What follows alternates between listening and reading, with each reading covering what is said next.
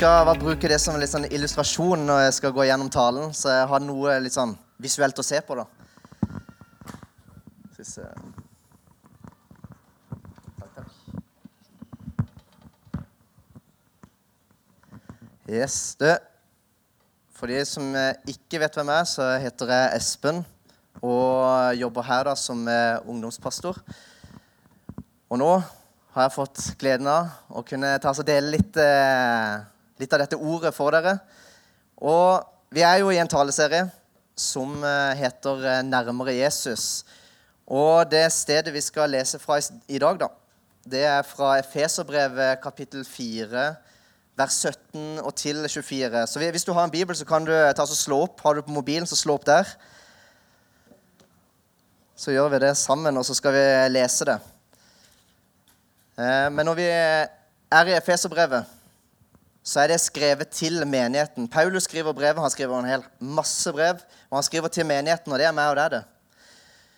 Og når Paulus han tar opp et tema her som har med vår livsstil å gjøre Han tar opp dette her med vår språkbruk og vår oppførsel, hvordan vi handler. Og da skjønner vi jo at han prater jo om det daglige livet, altså vår hverdag sammen med Jesus. da. Jeg vet ikke om dere har hørt om han. Heter Geir Stumnås. Det er en eh, pastor i Philadelphia Vennesla. Men han, han, sier det veldig fint, egentlig. At eh, når Guds ord er åpent, da, så taler Gud. Og når Gud taler, så skjer det noe. Og det er jo faktisk veldig sant. da. Det er så sterkt, egentlig. Det er ikke bare en vanlig bok, det er en hellig skrift. Så når vi leser, så skal du ha forventning også. Og når du leser, så, skal, så er det til deg. Og vi leser fra vers 17. Der står det Dette sier jeg da, og vitner i Herren. Vandrer ikke lenger slik som hedningene vandrer, som følger sitt tomme sinn. Deres forstand er formørket. De er fremmede for livet i Gud ved den uvitenhet som er i dem, fordi de har forherdet sine hjerter. Følelsesløse har de gitt seg over til tøylesløshet, så de lever i all slags urenhet og griskhet. Men dere har ikke lært Kristus slik å kjenne. Så sant dere har hørt om ham og blitt opplært i ham, slik sannhet er i Jesus. Og når det gjelder deres tidligere ferd, så må dere nå avlegge det gamle mennesket, som er fordervet ved de forførende lyster, men bli fornyet i deres ånd og sinn, og ikle dere det nye mennesket, som er skapt etter Gud i den rettferdighet og hellighet som er av sannheten. Jeg bare ber først. Eh, kjære Jesus, vi takker Herre for eh, ditt ord, Herre. Vi takker Jesus for at eh, dette ordet og det som kommer til å bli forsynt nå, Jesus, at det skal være mat for oss. At vi kan få lov til å ta det til oss, og vi kan få lov til å ja, kanskje sette noen nye vaner i vårt liv som kan få lov til å dra oss enda nærmere til deg, Jesus. Og la det få lov til å bli en næring for vår sjel, for vårt sinn, så vi kan få lov til å vokse nærmere til deg, Jesus. Så jeg bare eh, ber deg, Hellige Ånd, om at du eh, inspirerer nå og er på hvert enkelt sitt hjerte her som har kommet inn her i kveld. I Jesu navn. Amen. Så når vi leser her eh, Paulus han starter, Nå leste jeg ikke akkurat det, men nå leser jeg fra 17 her. Men når vi leser fra vers 1, så sier jo han 'Jeg formaner dere altså'. Så det er et grunnlag han har lagt her. da. Altså, Han har prata om noe før i Efeserbrevet. Og det handler om hvem meg og deg er i Kristus. Hvilken arv vi har, og hvem vi tilhører, og hvor vi skal henne. Og hvilken kjærlighet, nåde, tilgivelse, barmhjertighet som han har gitt meg og deg. Så på grunnlag av det da, så går han videre nå inn i det som vi begynner på nå. Så når vi ser på eh, Han bruker ordet 'formane'. Så er 'formane' det er ikke en befaling til noe ikke du ikke har lyst til å gjøre. Formane det er altså egentlig Når vi ser på den dypere betydningen, så er det en sjelesorg. Det er en veiledende hjelp til dem som elsker Guds vilje, og som selv har fått lov til å oppleve den nåden og barmhjertigheten som er i ham. Og Det er derfor også Paulus formaner til meg og deg. Og tanken her da, til Paulus og Guds ordet, det er jo at Guds nåde og hans barmhjertighet skal hjelpe meg og deg til å legge disse formaningene på hjertet, slik at vi kan leve ut det. Og Jeg har bare tatt fram eh, tre stoler her som jeg skal bare bruke litt eh, underveis. her. Stolene skal symbolisere noe her. da. Så Den første stolen skal være inntrykk. Altså hva ser vi på, hva hører vi på? Det som vi tar inn i oss. Den midterste stolen er hjertet, da. Og så har vi den siste stolen, som er det livet vi lever, da. Altså, hva sier du da med din munn, og hva gjør du da med din kropp? Er dere med på den? Yes? Og eh, vi skal jo holde oss til eh, denne teksten som vi leser nå, og spesielt i vers 23 og vers 24. Og det er da jeg skal plukke ut disse ja, to ting, egentlig Hvordan vi egentlig kan posisjonere oss litt, da. For å kunne komme nærmere Jesus, som er også taleserien her. Og Da vil jeg fokusere på to ting. og Den ene er eh, vers 23, hvor en prater om å bli fornyet i sjel og sinn. Altså fornyelsen, da. Og den andre skal jeg prate om eh, hellighet. Jeg kommer til den litt senere. Men vi starter egentlig bare med med dette med at vi skal leve i en fornyelse. Og Dette er jo strake motsetningen egentlig, til det han sier i vers 17-19, eh, hvor han beskriver eh, den hedenske, altså de ikke-kristne sin livsstil. Og hvor han også beskriver de som eh, ja, er, Deres sinn, deres tanker, da, er tomme, og de er følelsesløse. Men våre sinn de altså, de er i oss selv Våre sinn, våre tanker i oss selv, klarer ikke å leve opp mot dette som Paulus nå formaner oss til, til å ikle oss Kristus. Og Derfor så trenger vi Den hellige ånd, da, som eh, skal åpenbare det sinnet som egentlig har vært formørket, som han beskriver også her. Og her så må vi som kristne da, vi må være bevisste vi må være bevisste på hva vi ser på, og hva vi hører på. Hva vi tar til oss, hva, hva som får lov til å fylle meg og deg sitt hjerte. Nå prater ikke jeg bare til deg, jeg prater til meg like mye her nå. Hva ser jeg på, og hva hører jeg på? Hva fyller mitt hjerte? For eh, når vi leser også i ordet, ordspråkene 4.23, så sier den faktisk at vi skal bevare vårt hjerte. Altså bevare ditt hjerte framfor alt du bevarer, fordi livet utgår ifra det.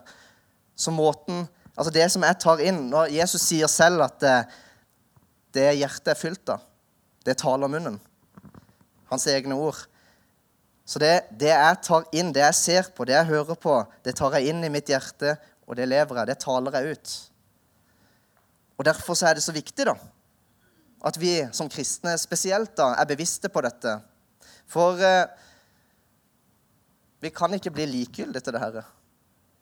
Det er noen som kan bli nesten litt sånn likegyldige og kjenne på at ja, så lenge det føles godt ut, iallfall.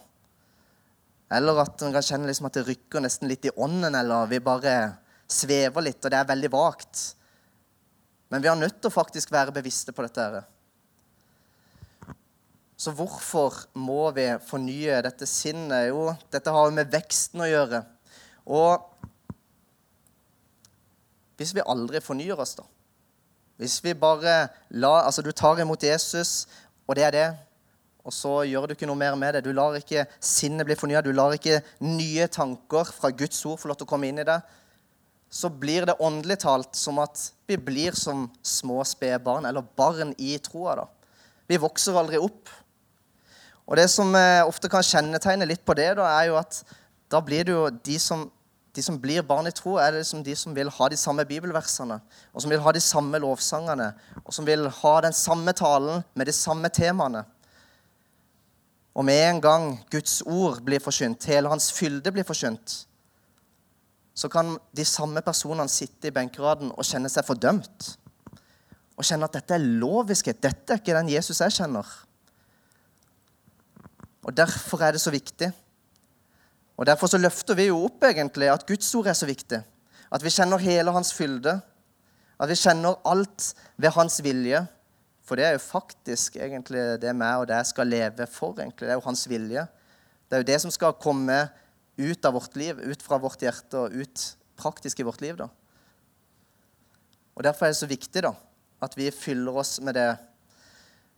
Kolosserbrevet 1, eh, vers 9-10, der står det Vi ber om at dere må bli fylt av kunnskap om Guds vilje, og få all den visdom og innsikt som Ånden gir. Og da kan dere leve et liv som er Herren verdig, og som helt og fullt er til glede for Ham, så dere bærer frukt i all god gjerning og vokser i kjennskapet til Gud. Så vi ser jo her at vi kan faktisk lære å kjenne Guds vilje. Og så skal vi være ydmyke og si at ja, jeg, jeg, vi kan ikke forstå alt med Gud. Det kan vi ikke. Men Guds vilje er i hvert fall åpenbart ved dem som har fått Den hellige ånd. Så vi kan faktisk lære Og det er ikke sånn at det bare puff, så var alt sammen der. Vi er nødt til å faktisk bruke tida her. For her lærer vi oss å kjenne hans vilje. Og hvis målet til en kristen da, For det, dette, det blir lagt en lyst på en kristens hjerte når han får Den hellige ånd, til å gjøre Guds vilje. Men jeg kan ikke gjøre Guds vilje hvis ikke jeg kjenner Guds vilje. Så jeg er jo nødt til å bruke tid her, da, slik at det er det som skal få lov til å komme ut av mitt liv. da. Så det er ikke bare en sånn ren automatikk her som bare går av seg selv.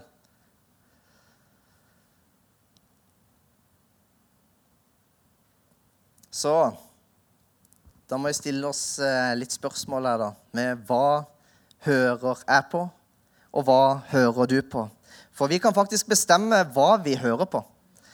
Og eh, det er mange mennesker rundt oss. Vi, vi er jo i en hverdag, og du har familie, venner, arbeidsplassen din. Det er mange stemmer. Og vi kan ikke la være at eh, stemmene er der. De er der. Vi kan ikke gjøre noe med det. De kommer til å tale høyt, og, og det er bare sånn det er. Men vi kan allikevel velge noe. Vi kan allikevel velge å stenge det ute. Og vi kan også velge å flytte på oss.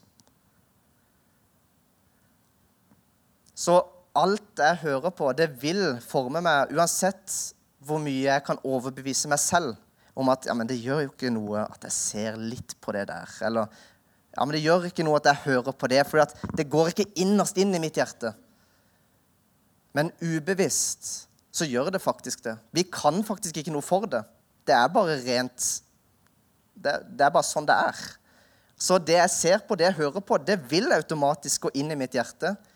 Og om jeg vil det eller ikke, så er det faktisk det jeg har fylt meg med. Og da vil jeg til slutt også begynne å tale det. Og så vil jeg begynne å gjøre det. Man trenger ikke være så veldig overåndelig for å forstå det der. Og det er jo det som, Men vi, vi trekker det inn i en åndelig kontekst her, da. For det er jo faktisk vanvittig viktig. Dette her er faktisk rent praktisk bare sånn mennesket fungerer. Og hvis man stiller seg noen eh, litt mer tøffe spørsmål også, da hva, hva vil jeg at jeg skal komme ut av min munn, egentlig? Nå, hvis vi går hjem til hjemmet deres, dere som har barn, barnebarn hva vil dere at de skal høre når de kommer hjem til dere? Hva vil du at de som kommer på besøk til deg, skal høre når de kommer hjem til dere?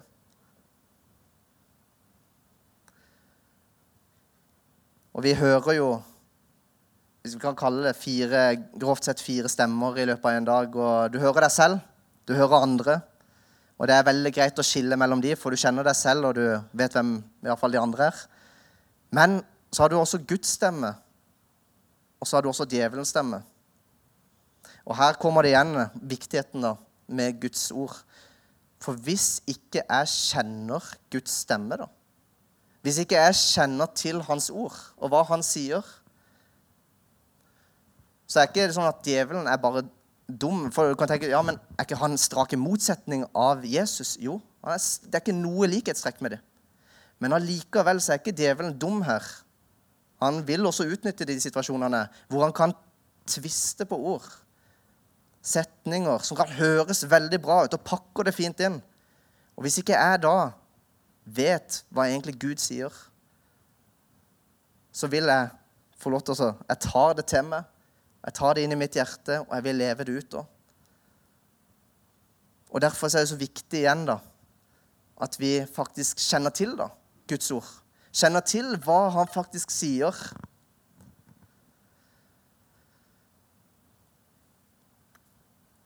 Da skjønner vi jo at eh, sjansene er faktisk ganske store her når vi kommer til, når det prater om Guds stemme og djevelens stemme, at du kan høre på feil stemme hvis vi ikke kjenner til det. Og det andre, da. Hva ser du på? For det vil også påvirke. Da kommer de samme spørsmålene, egentlig. Hva vil du at barna og barnebarna skal få til å se når de kommer hjem til deg? Hva vil du at de som kommer på besøk til deg, skal se når de kommer hjem til deg? Og ennå så har vi faktisk en tid mens Her er det jo mange barn i menigheten. Og det er sikkert mange barn som ikke går her heller. Som er barn eller barnebarn til deg. Og som ennå du har tid til å faktisk ennå påvirke. Og hva vil du da at når de kommer hjem til deg, skal få lov til å høre, og hva de skal få lov til å se? Vi hører jo mange vitnesbyrd av eh, mennesker som kommer senere i livet og kan prate tilbake til ja, men det var trygt og godt hos mamma og pappa. Eller hos bestefar og bestemor. Og det var kanskje det som var det eneste holdepunktet. Hva vil du at du skal se, og hva vil du at de skal høre? Samtidig så vil jo dette her eh, Det ansvarliggjør jo oss også. Så dette er jo egentlig veldig fint, da.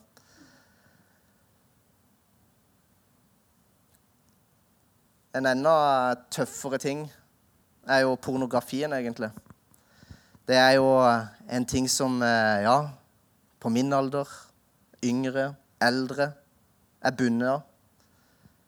Og ikke bare utenfor, som skal si at det er bare de ikke-kristne. Nei, også i menigheter. Også blant ledere. Også blant pastorer, prester. Det er sånn sterk kraft i det. Jeg skal komme litt mer inn på dette her med, med synd, for at det, det river jo. Altså sånn, Når du har lært å kjenne Gud, da, og du har fått lov til å kjenne Hans nåde, og så klarer du bare ikke å få vekk denne her eh, synden som binder deg Jeg skal komme inn på det også. Men vi er jo frelst av nåde.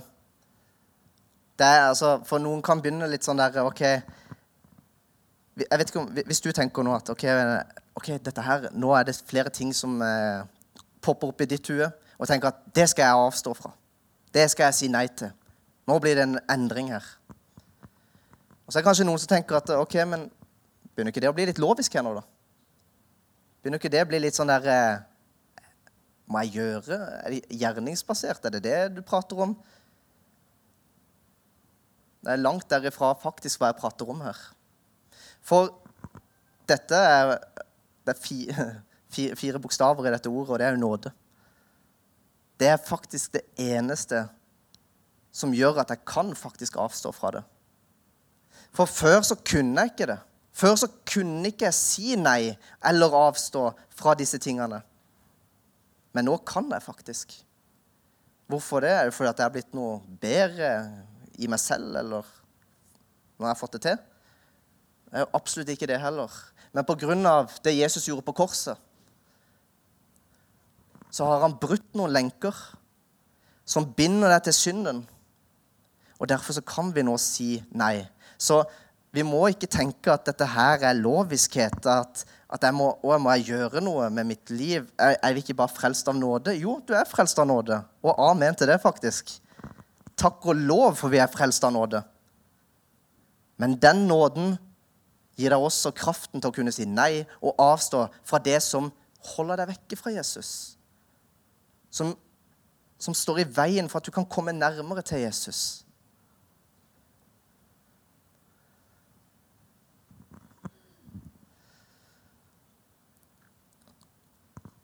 Og Da kommer vi også inn på det neste, neste punktet. Den første var jo å leve i en fornyelse med at Gudsordet skal få lov til å endre min tankegang. Sette inn Guds ord i mine tanker.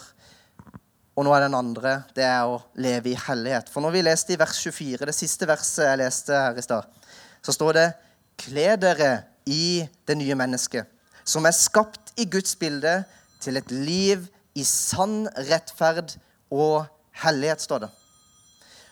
Og da må det være noe med hellighet. For vi er kalt til å leve hellige. Når vi leser i 1. Peters brev, kapittel 1, vers 15-16, så står det Han som kalte dere, er hellig. Slik skal også dere være hellige i all deres ferd. For det står skrevet, dere skal være hellige, for jeg er hellig. Så vi ser at det er veldig mye trykk på ordet hellig.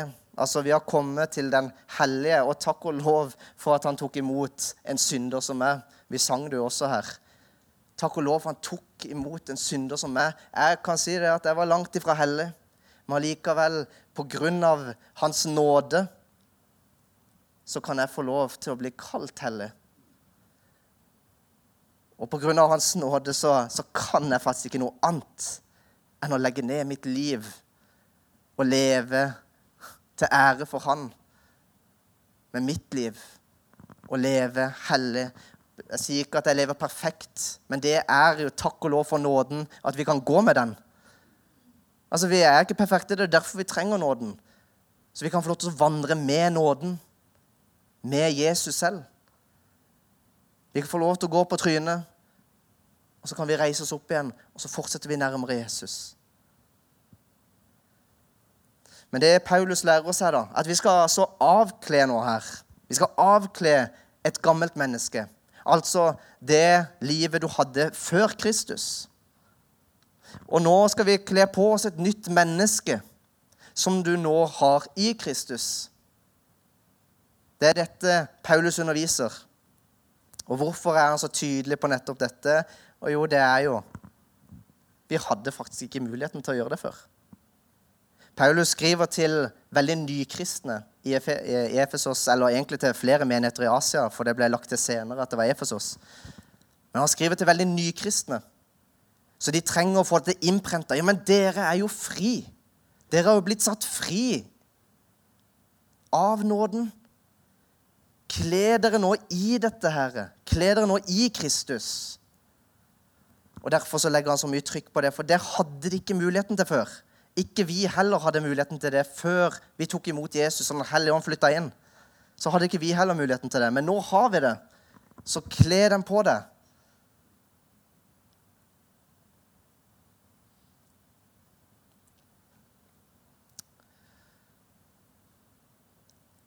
På korset, altså det Der skjer alt.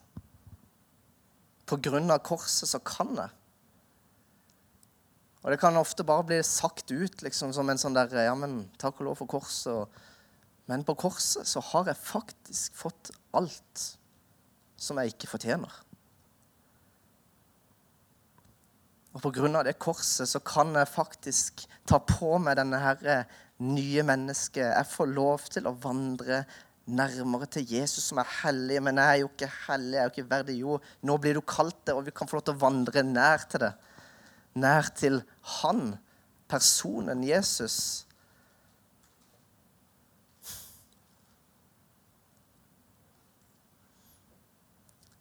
Det står i Johannes 8,36.: eh, For Sønnen frigjort dere. Da blir dere virkelig fri. Amen, ja. Amen. Hvis Jesus får frigjort meg og deg, da er vi virkelig fri. Og det er en sannhet, jo. Og det er her vi også forstår at dette her med kristendom, dette livet med Jesus, er ingen loviskhet, er ingen religion hvor du skal ta deg sammen og bli bedre. Dette er noe helt annet. Han snur alltid opp ned på ting av hva vi klarer å forstå eller har en vanlig tankegang på. Dette er kun av nåde at jeg kan. At jeg får lov i det hele tatt til å kunne gjøre det. Jeg har prøvd mange ganger før jeg tok imot Jesus og skulle gjøre det. Og kunne, jeg kunne klare det kanskje én uke, to uker, en måned. Men det var ikke mye lenger enn det før du kapitulerte og måtte OK, jeg klarer ikke dette her. Det går ikke. Men det er fordi at det var religion. Det er fordi at jeg måtte gjøre det selv. Jeg måtte få det til selv for å kunne kanskje bli hellig, kanskje, bare kanskje, bli hellig for Jesus. Men så er det ikke det. Det er nåde. Av nåde så kan jeg faktisk, fordi han har brutt lenkene. Han har brutt det som binder meg og deg til synden. Og derfor så kan jeg faktisk ta på meg det nye mennesket og få lov til å komme nær til han.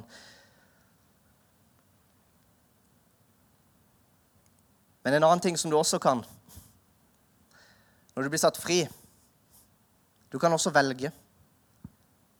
Du kan velge faktisk å gå tilbake til synden. Du kan velge å gå tilbake til det gamle livet ditt. For det er ikke sånn at når, når Jesus har satt deg fri, så, så tvinger friheten deg, så, tri, så, tvinger nåden deg inn i hellighet, inn på livets vei. Han tvinger deg ikke. Men han har satt deg fri, og du står faktisk med et veiskille også der, hvor du kan velge å gå på dødens vei, det som fører til synden. da. Og du kan også velge å gå på det som er livets vei, mot Jesus. Men det hadde du faktisk ikke før. Det alternativet hadde du ikke før. Før hadde du faktisk bare én vei, og det var faktisk bare på vei til døden. Fanget i synden. Og så åpner han opp en vei der det ikke skulle være noen vei, der det ikke var noe håp. Men så kom han med håp og satte opp en ny vei som jeg får lov til nå å gå på. Det, altså, det er jo Det er jo fantastisk. Det er jo helt nydelig. Det er jo, jeg, har ikke fortjent det engang. Hvilken kjærlighet, hvilken nåde at han kunne tilgi meg. Han kunne sette meg, At han gir meg det alternativet i det hele tatt. Da griper jeg tak i det for alt det er verdt, og går på den veien og holder meg på den veien. Men så vet vi også at ja, er det så lett, liksom? Vi vet jo at synden har eh, disse kreftene, og du kan velge å gå den andre veien. Og Paulus han prater om det i Galaterbrevet 5.1. Han sier til frihet har Kristus frigjort oss. Stå derfor fast, og la dere ikke tvinge inn under det slaveåket igjen. Han poengterer og poengterer at dere er jo satt fri. Hvorfor skal du gå tilbake til det livet du ble satt fri fra, det, bare, det gir jo ikke mening engang. Du er jo satt fri fra det. Hvorfor går du tilbake der? Og hold fast på det du er satt fri i, og gå nærmere Jesus, for det er det som er hans poeng også. Og Romane 6, 16, det prater egentlig om det, det her veien som jeg prater om nå. Det står at eh, vet dere ikke at når dere går i tjeneste hos noen og adlyder ham. Da blir dere hans slaver. Og Da står det dere blir enten slaver under synden, og det fører til død, altså den ene veien. Eller så står det dere blir slaver under lydigheten, og det fører til rettferdighet, altså det evige liv. da. Så vi har hatt to veier som jeg prata om, og du står helt fri her til å velge er, altså, det, han har gitt oss frivillige, så du må faktisk velge. Han, han, han drar deg ikke. Han sparker deg ikke i den retninga han vil at du skal gå. Men det er jo takk og lov egentlig for det, for da hadde det jo vært en påtvunget kjærlighet også. Da hadde det jo ikke vært det, ja, men det, det kommer ikke fra mitt hjerte. Det er jo bare Jesus som vil at jeg skal det. Men eh, på grunn av at jeg elsker han, på grunn av den nåden han har gitt meg og vist meg og tilgitt meg, så kan jeg få lov til å vandre på den veien.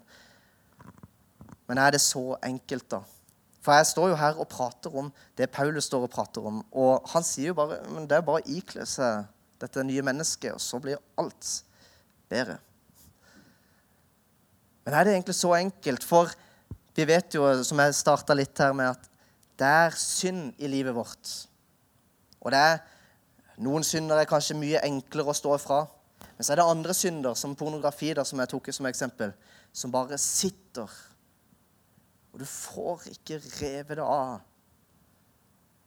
Og du angrer også faktisk dypt inn i det hjertet. Du, har, du er kristen, du har en, en, viss relasjon til Jesus, men du får ikke dette av. Og det må vi jo faktisk også ta høyde for, og det, det gjør jo Altså hva, hva, hva sier egentlig Guds ord om dette, da? For, vi, for det er jo sant, da. Det er jo reelt. Mennesker. Jeg har slitt med det, og jeg tipper de fleste her har slitt med det. Og kanskje noen sitter her akkurat nå og kjenner at dette her taler rett inn til mitt liv, akkurat i min situasjon. Og du er mer frustrert. Du vet egentlig ikke hva skal jeg gjøre egentlig. Du vet ikke hvor mye dette holder tilbake med. Og så sier du bare 'ikle deg Kristus', og så skal alt ordne seg. Og mye av de si, Hvis man ser på alle disse som, som facer dette, og inkludert meg selv når jeg gjorde det òg,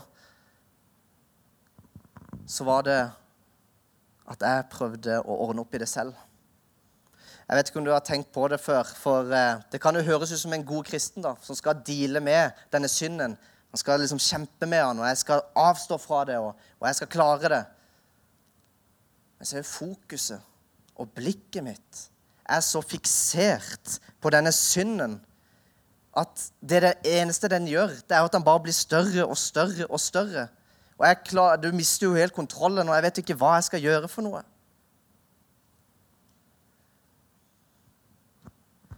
Hvordan kan vi da posisjonere oss da for å kunne erfare en frihet i dette? her? Hvordan kan jeg posisjonere meg da for å velge denne riktige veien som romerbrevet prater om, den som fører til Jesus og det evige liv? Hvordan kan jeg posisjonere meg så at jeg kan ikle det nye mennesket som er i Kristus? Og hvordan kan jeg da posisjonere meg for at jeg kan bli mer hellig? Hvordan kan jeg gjøre det, da? Og Jeg vil bare bruke scenen egentlig her som et eksempel nå, da, for en illustrasjon. Det blir vanskelig for dere som sitter og hører på, på podkasten senere. da. Men scenen skal være mitt kristne liv. Og nå bare tar jeg egentlig denne stolen her. Den står midt i mitt kristne liv. Og stolen, det er Jesus Kristus. Og så har vi ut forbi scenen det er jo det gamle livet. Så har vi kristne, og jeg har inkludert meg selv når jeg var der, som sto på kanten og prøvde å leve et liv som kunne gå litt i tråd med det gamle livet mitt. Men ikke gikk på Altså, jeg skulle ennå være i det nye livet mitt også. Du prøver liksom å ha en fot i hver leir, men pass på liksom så at det ikke faller her. Man stilte seg mer spørsmål i forhold til hvis man er kjærester. OK, hvor langt kan jeg strekke det, men allikevel være liksom innenfor Guds vilje? Hvor langt kan jeg komme unna Jesus, men allikevel være med? Er dere med? Og så har vi kanskje også noen, eller det er jo også noen kristne som kan egentlig stå fint litt mer innenfor, kanskje hvis en kaller det mer trygg grunn, eh, for der er det er farlig å leve her borte. Jeg sier ikke at jeg sier ikke at her har du falt fra, men her skjer frafallene. Her er, dette er veien som leder oss vekk. Og Jeg vet, jeg kan ikke si at tid det skjer, eller noe sånt, men det er en farlig vei å gå på. I hvert fall. Og det er Paulus veldig tydelig og klar på.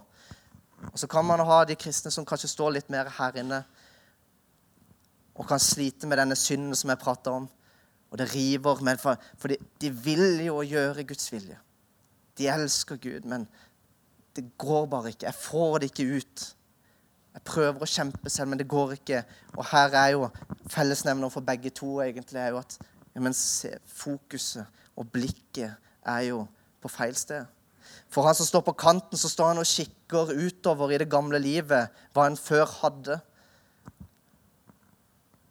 Og for den andre så blir han stående her og, og fighte med denne synden. og og får det ikke til.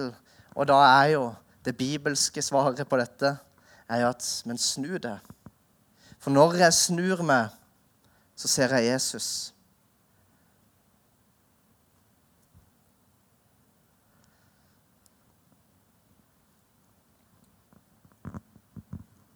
Når jeg snur meg, så ser jeg Jesus.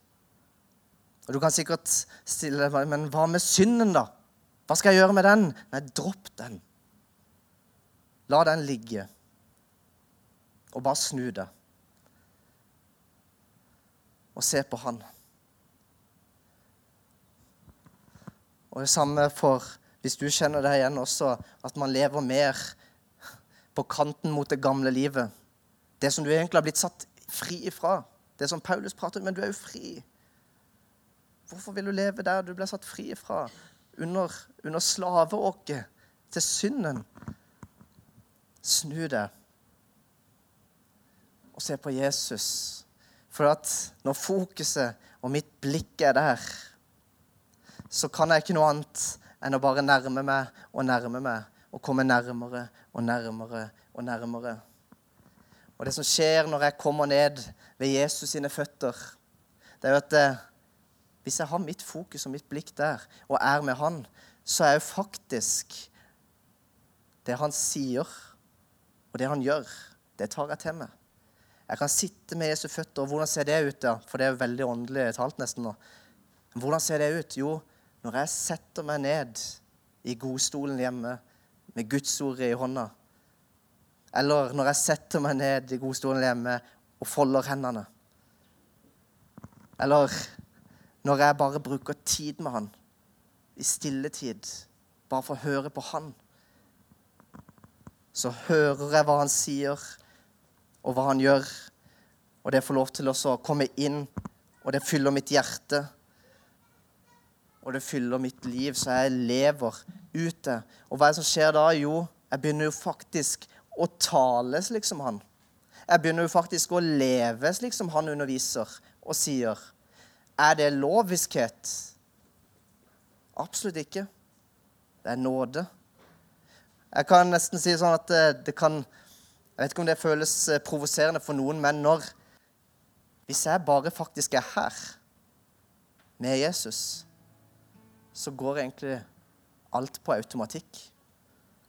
Da blir det faktisk ikke at jeg må ta meg sammen, eller jeg må fikse det, og her er reglene du må følge, her er budene. Her er dette loviske, og hvis du kommer dit, så, så kanskje han slipper deg til. Kanskje du kommer inn i himmelen. Nei, nei, nei. Når jeg får lov til å komme og bare stå her sammen med han, sette meg ned ved hans føtter og høre på hva han sier, hva han sier til meg jeg har fått å se hva han gjør i menigheten, og hva han gjør i mitt liv. Så fyller jeg jo med det. Og det hjertet er fylt av, det taler munnen, sier Jesus. Det hjertet er fylt av, det lever jeg jo. Amen, ja. Så fokuset må få lov til å bli på Jesus.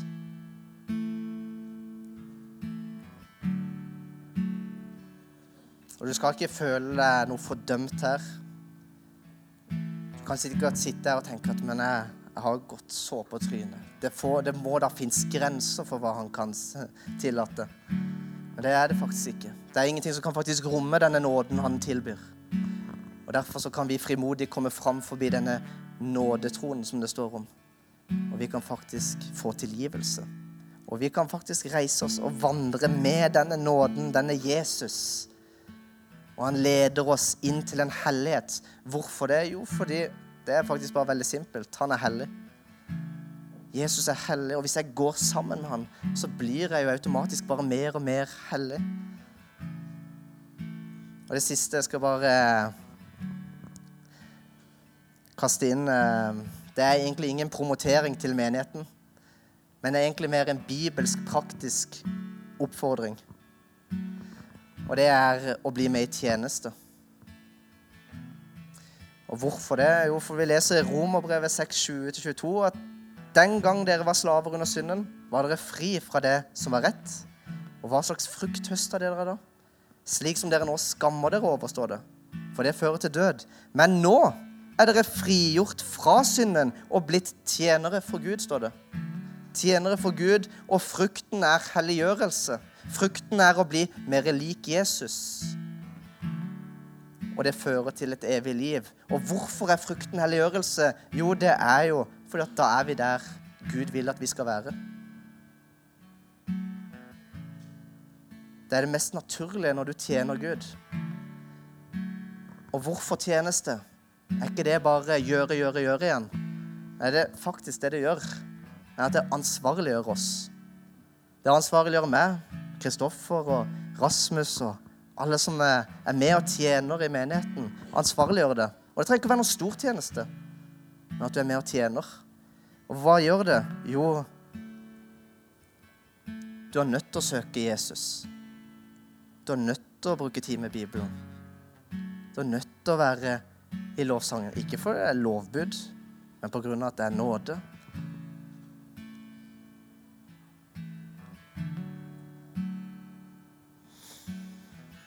Og hvis du skal lede, da, en bror eller en søster i Kristus, eller en som ikke er frelst, og du skal lede han nærmere Jesus, hvordan kan jeg gjøre det? Hvis ikke jeg er der, hvis ikke jeg er nærme Jesus, hvis ikke jeg bruker tid med Jesus, hvem skal jeg lede ta til? Det blir som en blind som leder en blind. Så dette her er jo bare godt for oss. Det er jo en, en fantastisk oppfordring og formaning.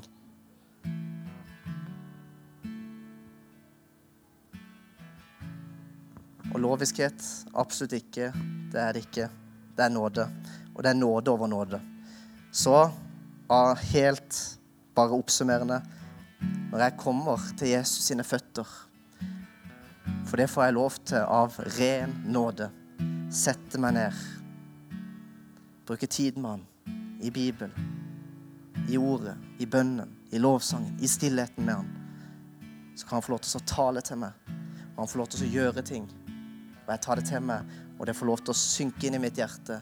Og når hjertet mitt er fylt av det, så taler jeg det, så gjør jeg det. Så dette her Jeg, jeg håper iallfall. For dette her har åpna opp mine øyne, og dette her har gjort at men, dette her vil jeg følge.